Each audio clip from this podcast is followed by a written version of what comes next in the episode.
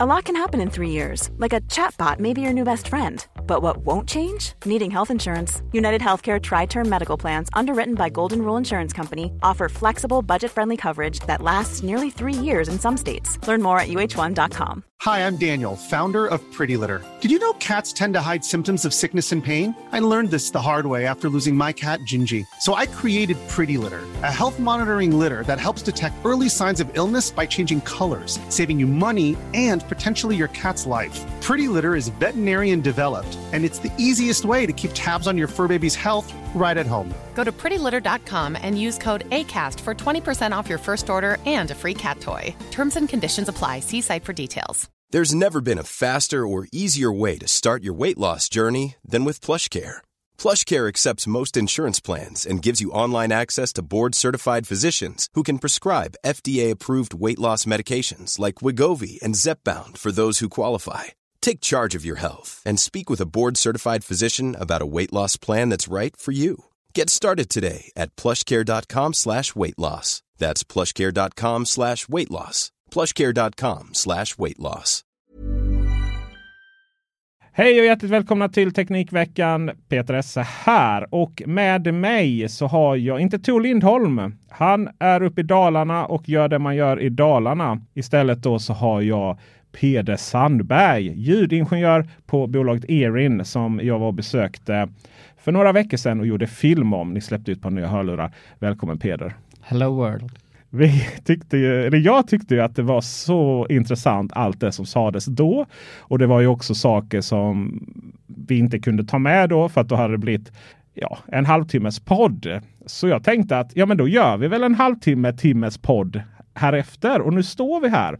Så Peder Sandberg, berätta lite om dig själv, hur du hamnade som, ja, vad, vad, är, vad är en ljudingenjör? Har vi fråga ett. Och fråga två. Varför blir man en sådan och inte, jag vet inte, polis, brandman eller uh, youtuber, uh, lågutbildad sådan som jag. Och sen hur hamnade du på Erin? På något sätt så fick mina föräldrar för sig att jag skulle börja spela fiol när jag var sex.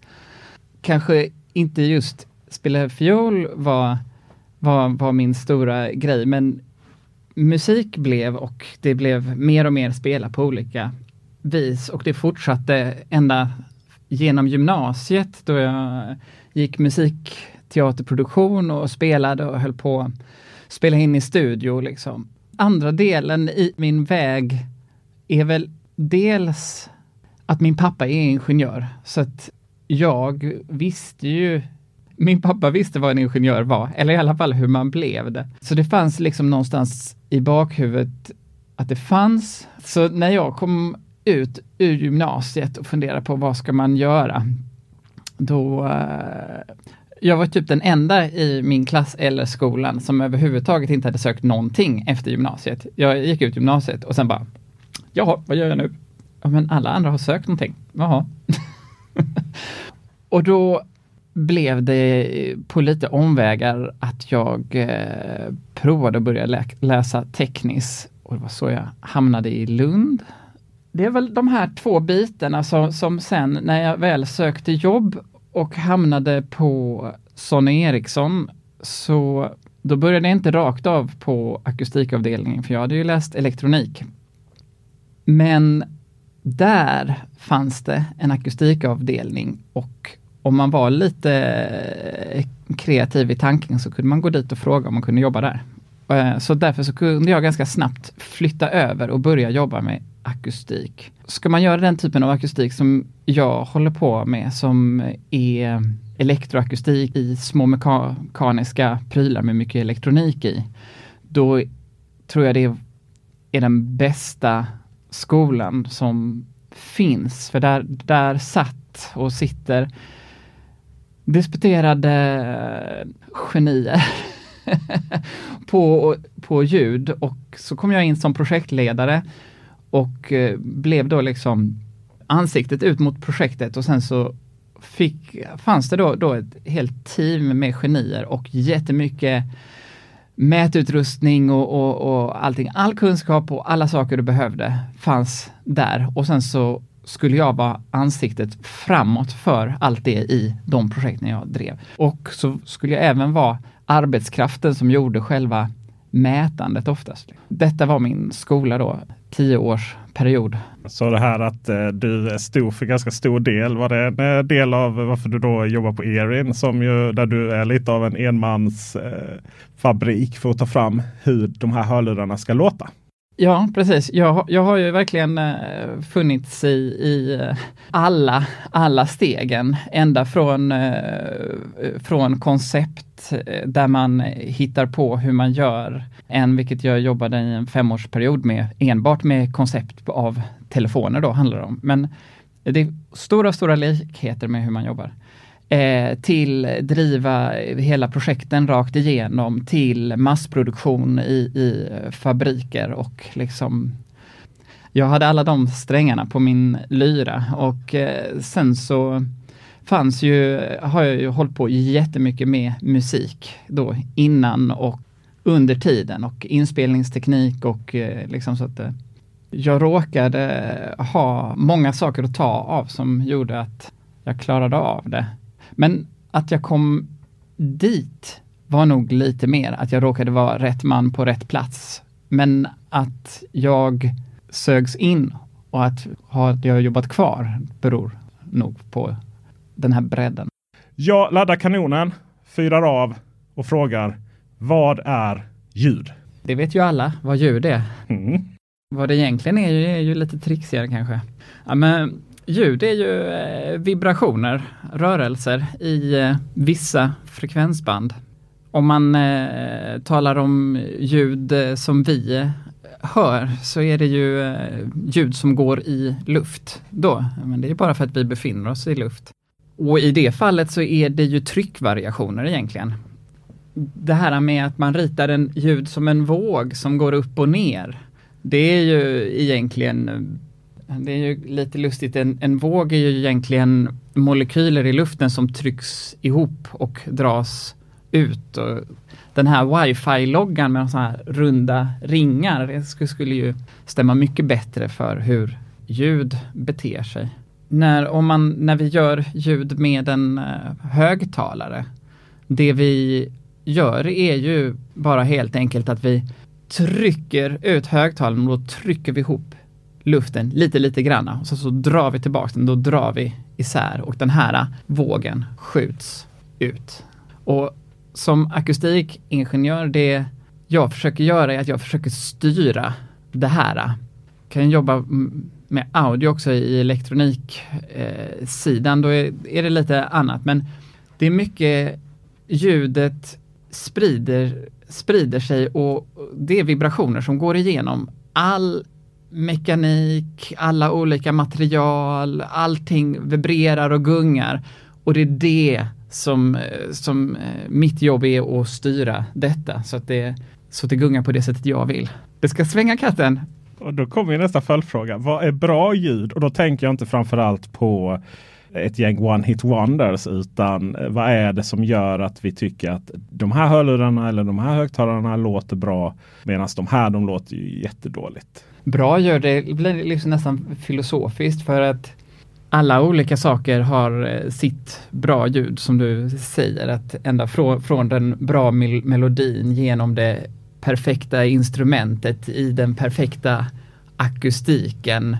När det gäller att bygga en högtalare så är ju bra ljud att göra en exakt kopia av det någon eh, säger till en.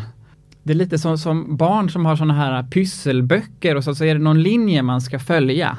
Precis det som eh, vi ska göra.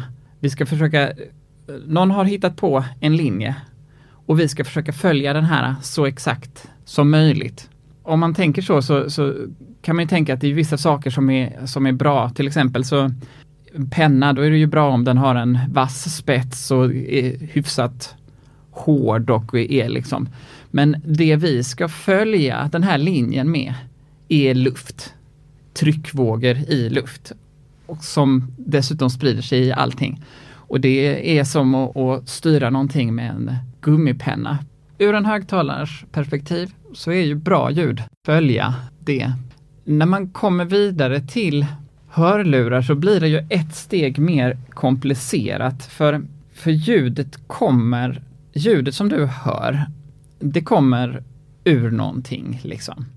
Det du på något sätt skulle kunna säga att du vill göra, att vi har, vi har en mikrofon och då pratar du den, då ritar du en linje och sen så har vi en högtalare. Nu vill jag rita samma linje med min högtalare. Liksom. Och sen så kommer det här ljudet från högtalaren, så, så om du gör detta perfekt så kommer det här hög, ljudet från högtalaren till, till dig och in i din hörselgång.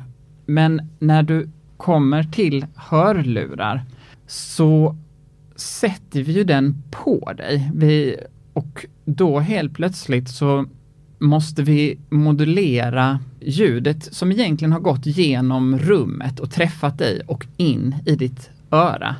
Nu måste vi, eftersom att ljudet inte gör det, utan vi sätter ljudet rakt i ditt öra, då måste vi börja modulera dig också och modulera rummet. Och här får vi, här blir det lite mer en konst. Det finns en, en bok som eh, vi pratade lite om, om sist som jag, jag, jag gillar som är, heter, det är skriven av en som heter en sån här masteringsguru som mastrar eh, skivor. Och han heter Bob Katz och han har skrivit den här boken som heter Mastering Audio, The Art and the Science. Det är en fantastiskt bra beskrivning om, om det här för att det är en otrolig vetenskap med hur vi får, får, fram det och hur vi styr det. Men i slutändan så ska det ju låta bra också. Då måste man ha lite fingerkänsla och förstå vad är det som får musiken att låta bra? Vad är det när det styr in i dina öron och då har du variation på olika personer. Hur får jag det här att låta bra för så många som möjligt? I vissa frekvensområden så är det lätt, liksom lågfrekvens kanske är ganska lika och liksom, men i andra så är det då svårare. Så där kommer en någon sorts sista touch av eh, konstnärskap och någon sorts eh, där på något sätt där det här där det går från att ingenjörsvetandet att det är inte tillräckligt utan du, du ska ta det sista vägen och balansera ut det just på tal om balans. Vad är bas, diskant och sen pratar man mycket om mellanregister. Man kan dela upp ljud på frekvensspektrumet och, och då menar man att de djupa tonerna, de, de har är färre svängningar per sekund och det är det som är basen. Hur många hertz pratar vi då om? Ja, en vanlig, man säger att vi kan höra från 20 hertz. En vanlig bas, djupaste strängen på den är 50 hertz. Men sen så går det ju ganska fort, djupaste strängen på en gitarr är 100 Hz. Liksom så. Sen så drar det iväg. Så har vi då diskanten, är, är då de som svänger fort och eh, så är mellanregistret lite granna i, i mellan. Men det är ju liksom lite lustigt eh, ofta när, eh, när man hör om diskant så börjar liksom folk prata runt 10 000, det är ett jävla tjafs om det går till 16 000 eller till 20 000. För att det är sagt att människan teoretiskt kan höra till eh, 20 000 och det stämmer ju bra för barn och hundar och lite sådär. Men eh, du och jag lär ju inte höra så mycket över 14 vid det här laget om man säger så. Men sen så är det ju också alla, här är det, alla blir lurade av den här ljudmatten. För allting i ljudvärlden är logaritmiskt eh, och det är fikonspråk för att vi pratar om fördubblingar hela tiden. Så om vi nu högtalare skriver att de går upp till 20 kHz. Om det nu är nio oktaver, en oktav är från do till do och så vidare. Liksom. Från, från botten så, så har du nio oktaver ungefär upp till 10 kHz. Hur många oktaver är det då mellan 10 kHz och 20 kHz? Var det en fråga till mig så kan jag avslöja att jag har dyskalkyli. En oktav är det. För 10 gånger 2 är 1, är, är 20. 10 gånger 2 är 20, så det är en oktav upp. Men, men i, i vågsvängningar, så hälften av informationen är där. Så, så halva filen hälften av informationen, det är ju liksom lika många frekvenser. Det finns från 1000 till 1020 och sen så vidare. Men i oktaver så är det bara en oktav, för vi, det är som vi är byggda, hur vi lyssnar, som gör det. Och vilken oktav är det här då? Ja, om vi säger att ljudet i, i, när man jobbar med telefoner så finns det två brytpunkter som är intressanta. Det är 4 kHz och 8 kHz. Vid 4 kHz hör du F, F som i farbror. Och vid 8 kHz hör du S som i sak. Men annars så är F och S samma ljud. Och därför kan man se att det fanns då på eh, gamla tiden när jag jobbade med telefoner. Då, när jag började jobba så, så gick de upp till 4 kHz och sen så hörde man inte S men det förstod man inte för S och F låter så lite lika men alla S egentligen, liksom, om man hade lyssnat efter så var det egentligen F man hör, hörde för att du hade tagit bort frekvensinnehållet. Alltså hörde när du pratar med någon eller? Ja, när du och jag pratar. Om jag tar, tar liksom, spelar in det och så, så klipper jag det vid 4 kHz. Då, då, kommer, då kommer du höra all, alla, alla olika ljud som vi pratar, kommer du höra rätt. Men alla S kommer låta lite som F. Ja, varför det? Eller? Ja, nej, det jo, jo, jo, därför att S-frekvenserna ligger mellan 4 och 8 kHz. Så om jag tar bort dem, mm då, då finns det ju liksom frekvenserna under finns. Liksom. Så, så att du har hela, kommer de låta som F. Men jag tänker, är det den enda bokstaven som ligger ovanför 4? Du kan lyssna på ljudet mellan 4 och 8 kHz så kommer du höra så här.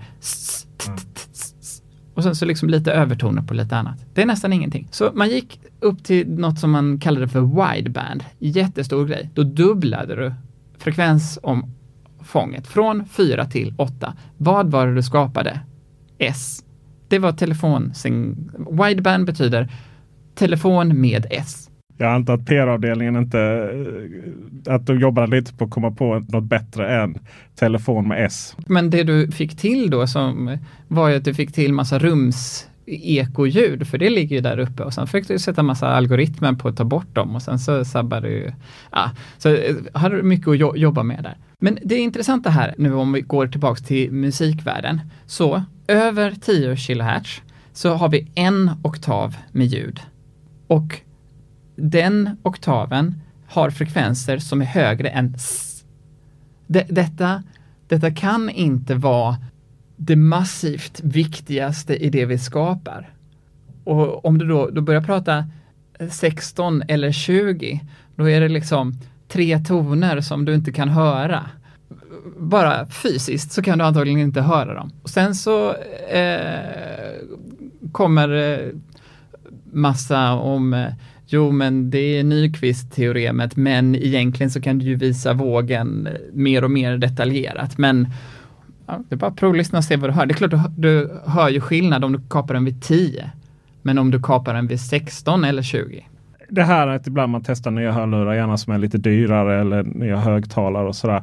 Och så, så upplever man att ja, jag hör ju ljud som jag inte hörde innan. Är det att de har ett bredare spektrum av frekvens då? Eller eh, beror det på andra? Att man trycker ut mer luft? Eller vad är det som skapar bra ljud baserat på de här frekvenserna? Om du hör någonting eh, på riktigt som du inte hörde förut och på grund av en kvalitetsförbättring så beror det ju på att de följer kurvan bättre. Det liksom starkare motor, hårdare membran, bättre balanserat så det verkligen liksom, om du ska, ska trycka eh, ut no, no, no, någonting och, och in 10 000 gånger i sekunden liksom. Så det blir fladdrigt och, och, och, konstigt och inte alls som du har tänkt dig. Liksom. Så att i, I grunden är det väldigt svårt och många högtalare gör det väldigt dåligt. Och ett membran ska ju vara hårt och liksom tryck, trycka luften jämnt. Men det ska ju samtidigt kunna, kunna röra sig fram och tillbaks.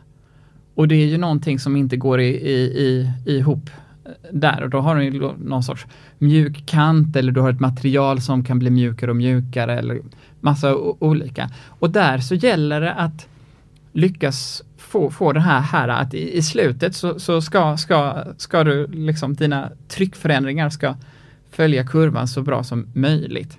Men den eh, fula genvägen är ju bara att, att, att, dra upp ett frekvensområde lite var som helst som, som ingen annan, annan hör. Då, då hör du ju liksom lite mer av det frekvensområdet. Det var, inte, det var kanske inte så det var tänkt från början, så det, men jag menar, det, där har du ju fulsättet. På tal om dra upp frekvenser. Eh, det blev ju en spelare som dök upp från ingenstans och som var lite delade meningar om det var nice eller inte. Men jag var en av de första stolta Beats by Dr. Dre-ägare. jag ah. gillade de hörlurarna. Det var mycket bas. Det gillar jag som gillar ungdomsdisco. Och även min kollega Tor då, Lindholm. Eh, också fan av Beats by Dr. Dre. Men det blev ju lite inne och hata på det. Eh, vad var det som de gjorde och att det helt plötsligt blev eh, så mycket bas som man inte riktigt hade hört innan? Nej, det var ju bara en, en eh, smakfråga. Jag har faktiskt träffat eh, akustikern som, eh, som eh, satte ljudet till de första Beats-lurarna. En bitter eh, gammal amerikan som åkte omkring på mässor och skällde på folk faktiskt. Ah, ja. ah, bas, bas och diskant, det, det är som smör och socker. Du liksom bara, du bara adderar du bara adderar det till liksom i, i, i mat, du bara, liksom, eller ja, det är som smör och socker, du bara adderar det så blir det lite, lite godare. När, särskilt när du gör en jämförande lyssning liksom. Och vi pratade lite grann om, om, om den här smile-kurvan, liksom, att om du tar din I, IQ, EQ, om du tar ett ljud, eh, musik, vad som helst, så tar du din EQ och så, så drar du upp kanterna, liksom, lågfrekvensen och högfrekvensen lite granna. Och sen så får någon provlyssna A och B, liksom. vilken är bäst? Då är jag alltid den med, med lite mer högfrekvens och lågfrekvens, då känns den lite, lite bättre. Men sen så ska du ju lyssna på saker i, i en jag menar, du ska ha de här hela tiden och, och eh, om, om det blir det bästa, det är, är ju eh, till viss del så är det en smaksak. Det är ett sätt att designa, man, det är ett val, man ska göra ett val. Det är faktiskt så att när du gör en, vill tänka så här, att när musik görs, den flesta moderna musik, så är sista steget där du verkligen sätter slutljudet, är masteringen. Om man tänker hur masteringingenjören jobbar så har han ett rum, han har högtalare i ett kalibrerat system och sen så lyssnar han på musiken, mäter lite, men verkligen mycket lyssnar. Och sen så finställer han, han det till ett ljud. Och det är det ljudet vi vill ha ut. Det är han som bestämmer hur det perfekta ljudet är. Och jag måste försöka leva mig in i vilket ljud det är.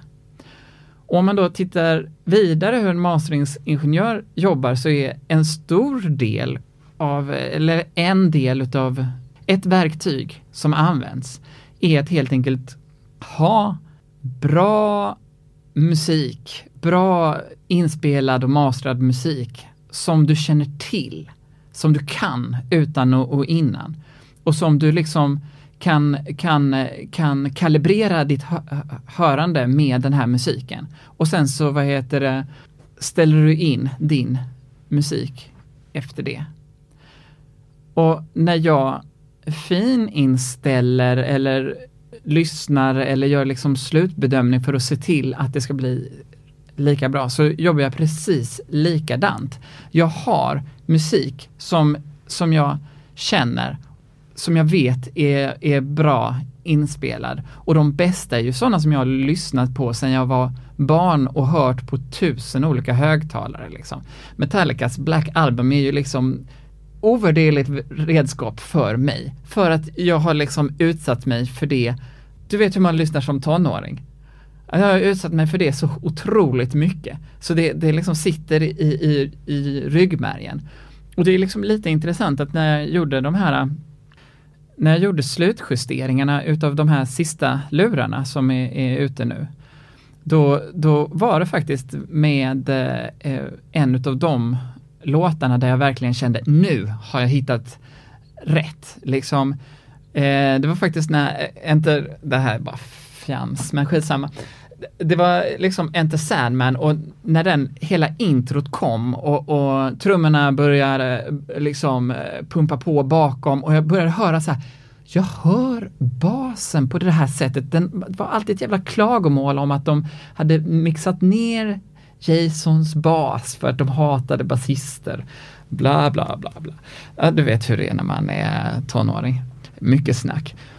Och så hör man att nej, den är sådär enormt djup, liksom. Den ligger, ligger där, där, och den kom fram liksom att, ah, nu kommer den fram liksom. Precis som den ska. Och, och, och det andra liksom så, som eh, gitarrerna skär inte för mycket, liksom allting var, det måste varit så här de tänkte att det skulle låta, det måste varit så liksom. Och sen har jag läst recensioner alltid mycket fascinerande för mig, för många kan ju skriva saker om ljud som jag inte hade kunnat få ut ur min mun eller penna. Men det var en som beskrev väldigt noggrant hur han hade provlyssnat det med bossa nova-skivor. Och det, han gör precis samma sak som jag. Han tog sitt liksom kartotek som det här har han koll och så, så lyssnar han och så säger, säger han hur, hur mellanfrekvensen fick eh, akustiska gitarrerna att komma ut, ut precis lagom om jag hittar, om jag har någonting som jag kan, kan säga när vi verkligen följer kurvan, då kommer det göra det på hans också. Det var ju liksom precis det som hände där, där, där och det gött att se. Roliga är att jag vet ju precis vad du menar. För att jag, när jag testar de här, jag gillar ju Erin A3 väldigt, väldigt mycket. Och det är väl kanske också därför du, du är här. För det hade varit väldigt tråkigt att prata om allt detta och sen så lyssnar jag på dem och så tycker jag det låter ungefär som ett par 995 kronors kopior. Eller inte kopior utan eh, alltså klonerna då från Kina. Det mm. finns ju ett gäng sådana. Du beställer ett chip och design och du behöver inte ens provlyssna själv. Men det finns ju de som, jag vet Tor igen då. Han har till exempel väldigt problem med in-ear-hörlurar. Han kan ju inte ha det, de åker ju bara ut. Mm. Och även många då har ju lite problem med de här Apple AirPods. Eh, att de inte riktigt sitter. Alltså inte AirPods Pro utan AirPods också. Och Erin A3 är ju av den här Ja, vad kallar vi den designen? Det är inte in-ear, det är inte, utan, det är inte over-ear utan det är liksom hörlursstäckor som likt AirPods sitter liksom hålls fast av örsnibben nästan. Va? Mitt intresse är inte så mycket just där, men jag, jag har ibland när man läser dem så, så är det de som de kallar för earbuds. Det här negativa klangen av earbuds som är liksom lite det som vi försökt att ta ett grepp på.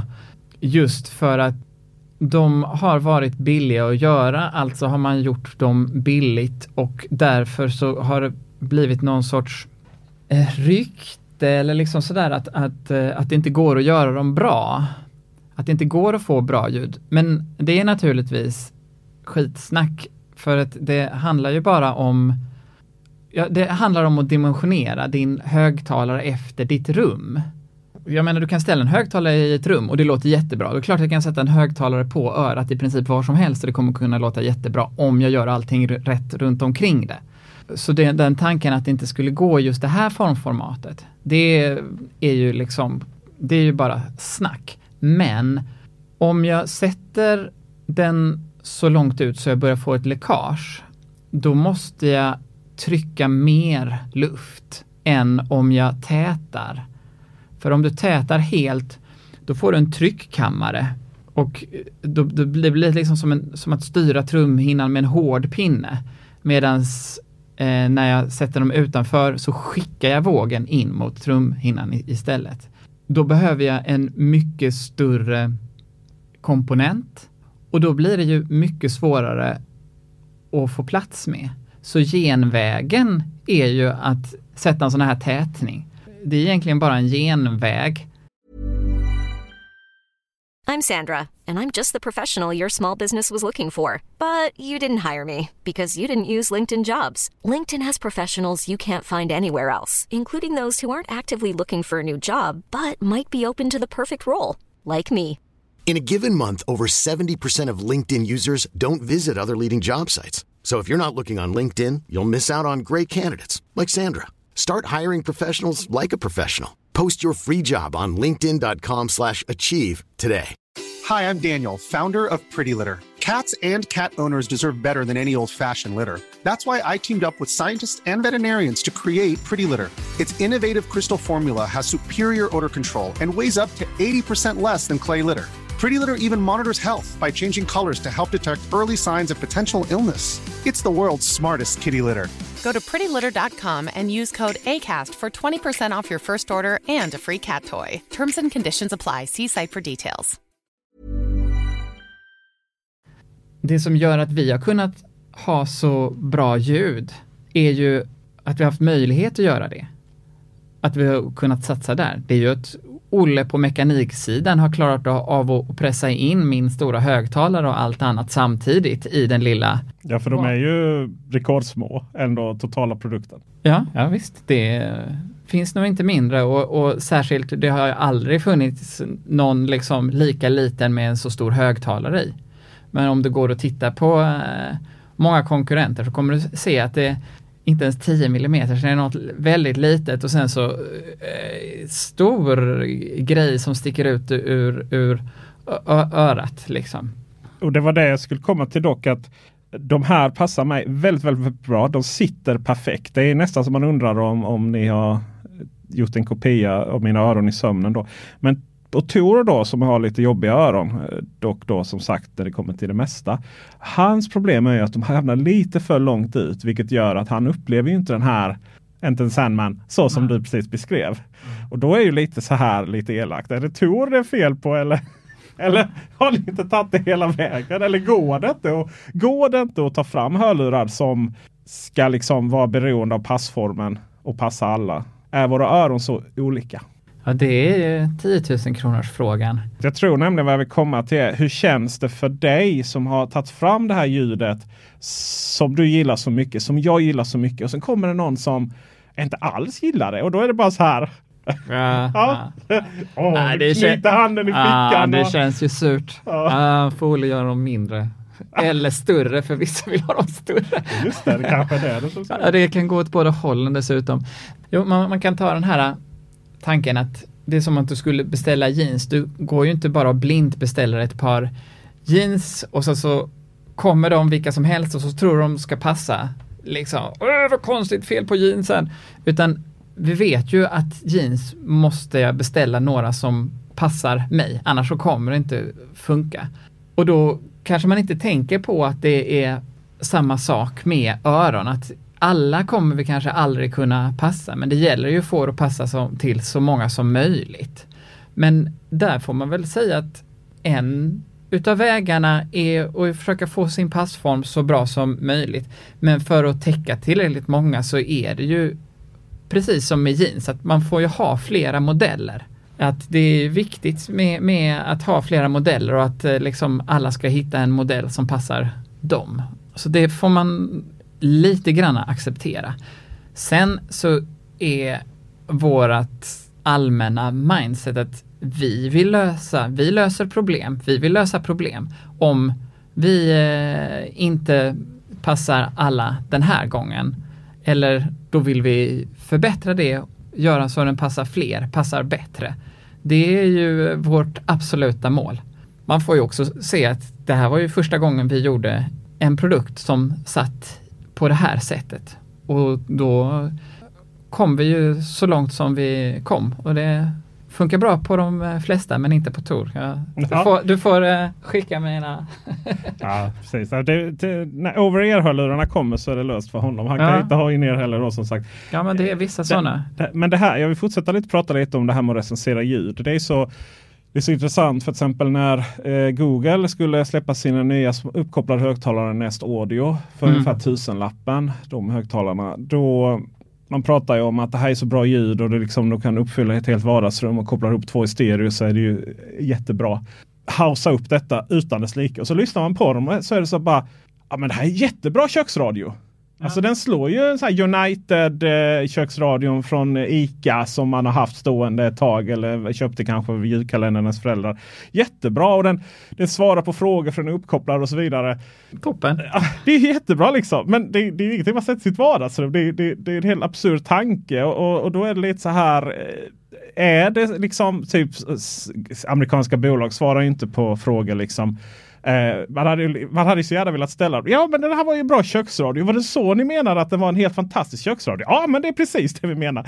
Eller menar ni verkligen att, man sk- att i det här eh, 50 kvadratstora vardagsrummet att jag skulle kunna fylla upp det och det skulle vara liksom en härlig eh, ersätta min eh, mina två stycken stereohögtalare som kostar 6000 kronor styck och är liksom fem gånger så stora. Eh, eller vad menar ni egentligen? Det, det är ju sån eh, intressant resonemang. Ett annat resonemang som jag tycker är intressant när man testar grejer och ljud. Det är ju lite det här att det går inte att återproducera hur saker och ting låter i eh, ljud och bild så att säga. Alltså hur hörlurar låter i mina öron är extremt svårt att återproducera. Dem. Vi gjorde ju en videorecension av de här hörlurarna och då la ni extra mycket tid. Man gör ju ofta det liksom när det är lite så speciellt. Det är svenskutvecklat här i Malmö och det är jättekul. Vi har pratat med er och sådär. Och, så då verkligen gjorde vi så här. Då matchar vi mot flera olika högtalare så man någonstans liksom kunde säga ja men de kommer upp till de här och de, de kommer ju upp ungefär till ett par högtalare som, som är inte dubbelt så dyra men Ja, en sån här 3 och 5 4000 kronors högtalare. De var nya. Alltså Sony XM3. De låter inte likadant men de, de liksom matchar dem i, i klarhet och en annan typ av bas och sådär. Kändes, kändes, kändes bra. Då vet ni liksom. De går upp till den. Men de, de klarar liksom inte att slå 7000 kronors hörlurar. Oh no. Ja, nej men du vet liksom. Ja, var väl jättebra. Och, och de utklassar liksom de här eh, eh, färdiga paketerade historierna från, eh, eh, runt tusenlappen och även eh, bättre än eh, AirPods Pro. Och så får man då kommentarer. Jag brukar liksom inte så förhålla mig till sådana här kommentarer, men jag tycker ändå det är ganska intressant att resonera runt nu liksom, när, när vi står här och pratar ljud. Får jag då från en Rickard. Ytlig recension. Ni berättar inte varför de är bättre, bara att de är bättre. Hur de låter är, är vad man vill veta. Ja, alltså det vi säger är ju att de har ju en, en trots din så här, det här diskussionen om bas och smilekurva och så vidare, tycker vi att de har en fantastiskt bra bas. Alltså bra som är att det brummar på lite. Att de har en väldigt tydlig sådan samtidigt som att de andra då, diskanten, eh, också är tydlig. Alltså det kan ju, ljud kan ju drunkna och ibland så om det är mycket bas och eh, basen får jobba samtidigt som man hör lite eh, eller någon sjunger så kan du ibland dra upp knivar i trumhinnorna känns det som för att det är något register som inte räcker till. Liksom. Det har de då inte utan de har en tydlig ljudbild i form av bra bas, tydlig diskant och bra mellanister. Går det på något sätt att göra Rickard glad här och säga att ja, de har ett, ett, ett otroligt ljud på exan den frekvensen och den är så och den är så. Alltså, hur ska man prata om ljud? Jag blir så frustrerad. Ja, ja, ja, ja. Jag tyckte att eh, det var ju väldigt roligt för mig att se den recensionen för att eh, det är ju många som recenserar och skriver fina saker och säger fina saker men jag kunde ju se glöden i era ögon lite granna. Och även eh, på den videon du gjorde när det var hos oss, nu vet jag inte om du är superbra skådespelare, men den eh, bilden när du eh, provlyssnar, de där, den de sa ju mer än, mer än, än tusen ord för, för mig. Det var så här, har jag uppnått den reaktionen på riktigt? Här måste jag se igen liksom. Nej, det var ju så för att jag hade ju hört er prata om de här och hört dig prata och det var ju väldigt, väldigt fina ord om ljud och så vidare. Och då, då var någonstans, och det sa jag också liksom att efteråt, att, ja men då får man ju nästan, man får ju leverera på det man säger så att Ja, säga. ja, Annars ja. blir det ju... Det var ju tur att de passade dig då. Fast det, det, det, nej, det var orättvist att säga det är tu- tur för att de ska passa. Ja, de ska det. Eh, nej, men, och då var det ju just det här liksom att eh, förväntningarna på de här var ju att de skulle låta som... Eh, alltså att, jag, mina förväntningar där och då var väl någonstans att de skulle kunna gå upp och matcha riktigt bra i nerhörlurar i form av AirPods Pro, Huawei FreeBuds eh, Studio som har lite mer bas än vad AirPods Pro har. Och, och sen så får man de här då och så bara Mm. Ja, mindfuck är väl det ordet som är det bästa. Alltså du har en förväntning och sen så liksom Ja, men det, det, det är nästan som om någon hade satt fram en liten Ja men du vet, typ så här, ja, men så här, ja men här är en liten liten skithögtalare för 500 kronor. Och så ska man lura någon. Och så har man liksom precis bakom så har man Äh, en. jättestor. Ja, och så drar man igång och bara nej. Ja, det, det det var ju känslan som jag fick där och då. Och det kom ju med på film faktiskt. Ja, ja, men det, och det jag tyckte mig liksom se, se det också, alltså jag, jag såg det liksom i, i era skratt. Jag kommer inte ihåg när det kom, kom hur men kom det till, till, den, till den första så här over-ear-luren. Och det var liksom, ni inte riktigt kunde hålla er för skratt och liksom, eller om det var Sonny så ja den är bättre, liksom, alltså man, man, man såg på något sätt eh, där. Tyvärr för Rickard så är inte jag ordens man liksom, så att jag kan inte säga hur ni skulle recensera. För mig var det väldigt intressant att se. Bo, liksom både på era reaktioner, hur ni hade ställt upp de andra och liksom vi har inte kunnat veta om vi kan knäcka den här tanken att de här inte kan låta bra. Jag ser recensioner där jag liksom just ser att det verkar ligga den tanken bakom. Det finns någon sådär, det, den är så lustig för den, den säger så här att jag ja men ljudet det är bra men inte så bra men bättre än allt annat jag har hört. Och då kan jag tänka, ja, det är väl ändå ganska bra då eller?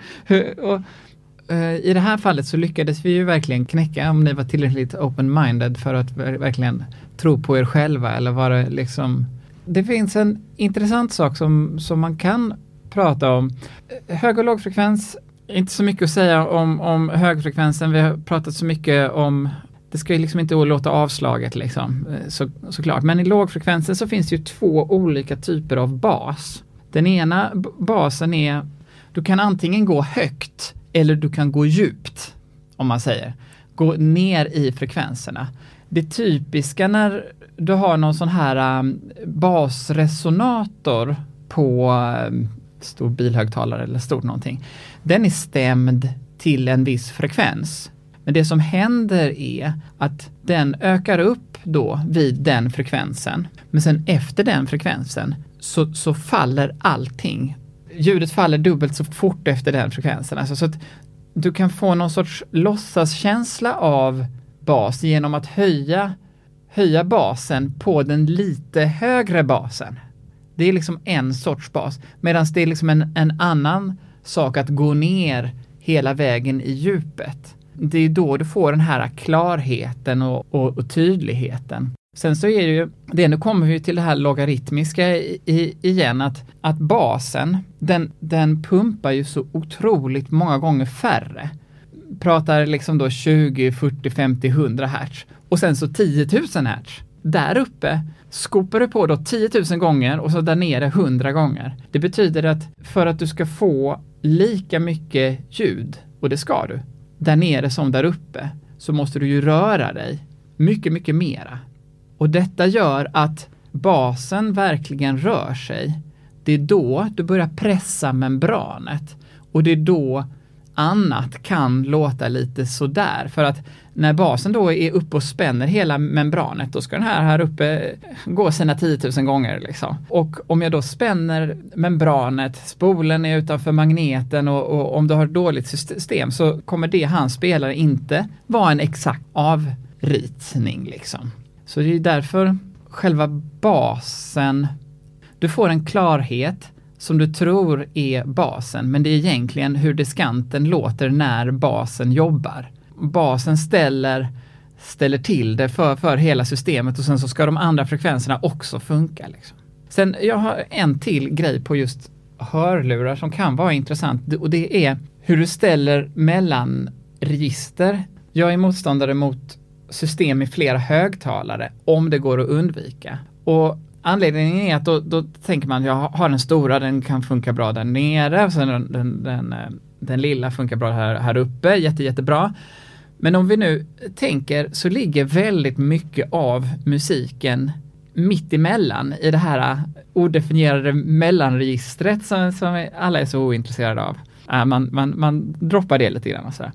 Men vad händer om du har en högtalare som spelar där nere och en där uppe? Du får ju någon slags brytställe där båda ska göra tonen tillsammans. Och där får du problem på något sätt. Det finns eh, jättefina olika och man kan göra det hur, hur, bra som helst men det är ändå, där har du liksom fysiskt problem och det är ju där i mitten, det är ju där mest information finns egentligen. Massa utan den viktiga informationen finns där och då ska man, då ska man sumpa den informationen för att få lite mer liksom på toppen där, där, där det börjar liksom i mixningskretsar så pratar man om air re register och, och man pratar om lite sparkle. Det ska vara där men du kan inte offra kärnan i musiken för det. Liksom. Så när eh, man skryter om att man har en högtalare med massvis med småhögtalare och en stor och tweeters och så vidare. Är det det du menar att man ska undvika? Ja, det är det jag menar man ska undvika. Om du kan. Ska också förtydliga det. Om det var någon som det menade ju då inte Peder här att de får multiroom-system. De har en stor högtalare på. Vad var det? Och en liten i källaren.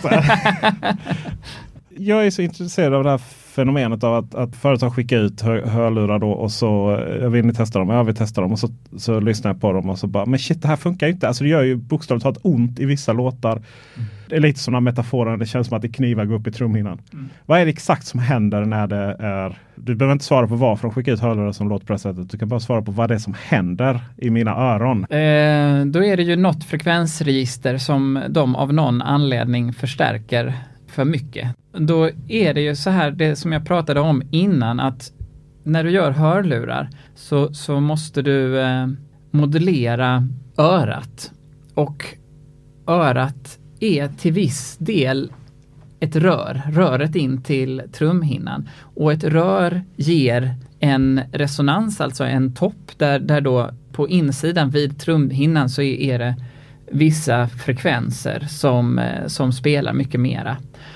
Och detta säger man då att det är 3 kHz, 4 kHz. Vilket eh, naturligtvis är en grov förenkling för det är ju olika för olika personer. Men liksom så. När du gör hörlurar så måste du emulera den här, du måste få till den här svängen. Du kan inte ha en rak frekvensgång.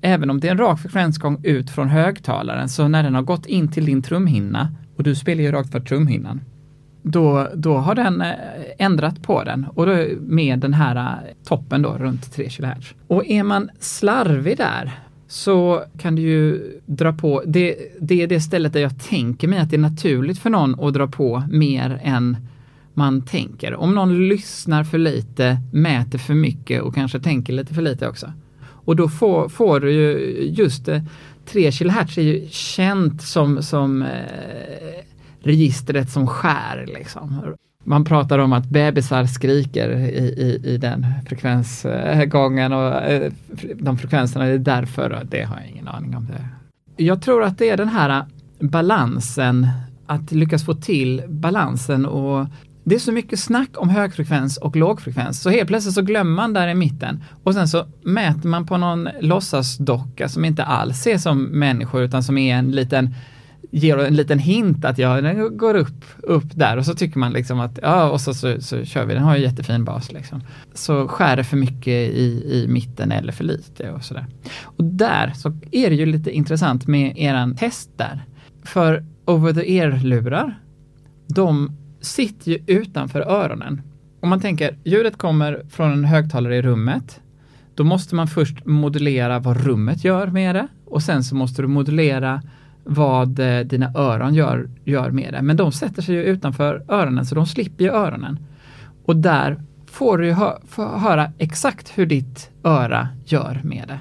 Eh, när ni gick upp och var överens om att de gick i samma klass som, som over the ear hörlurar, det som det sa till mig var ju att då har vi lyckats eh, modellera modulera mellanregistret där. då har vi lyckats balansera upp det rätt.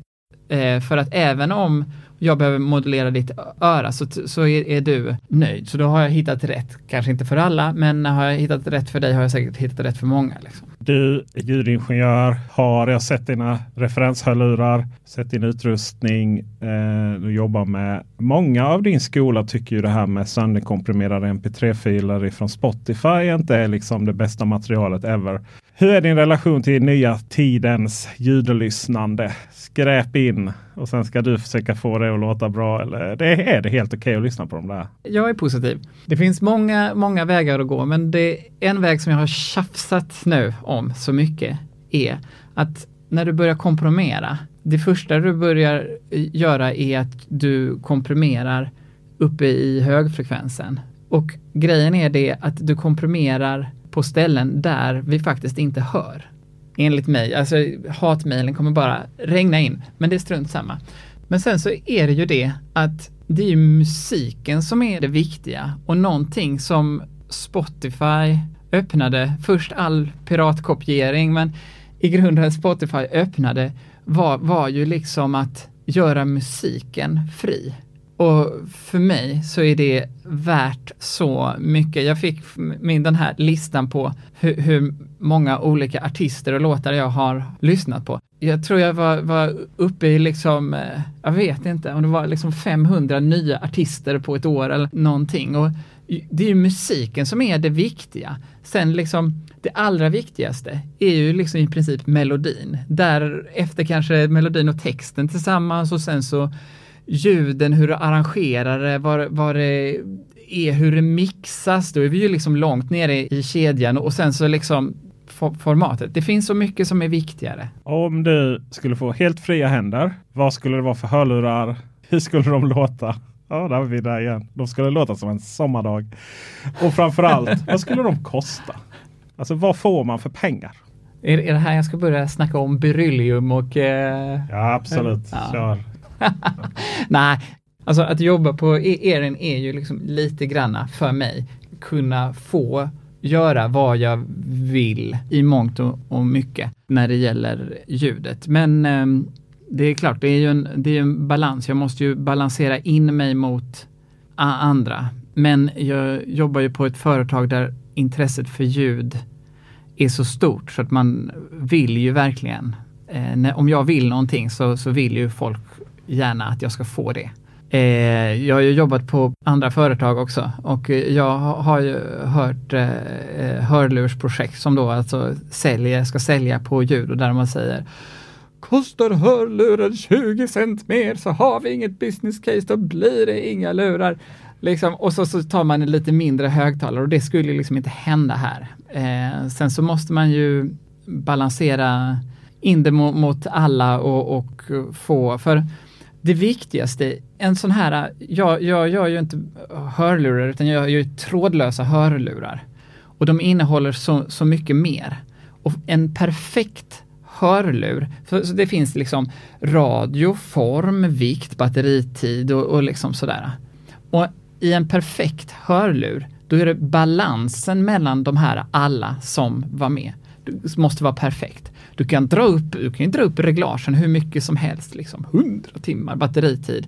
Då får du antagligen då ha ett jättestort batteri och så får du en jättetung lur. Utan då ska man, det här balanseras perfekt för att det ska bli liksom någonting för dig. Men annars så, så tycker jag, det är klart att jag vill göra bra ljud, men jag vill ha enkla, lätta funktioner.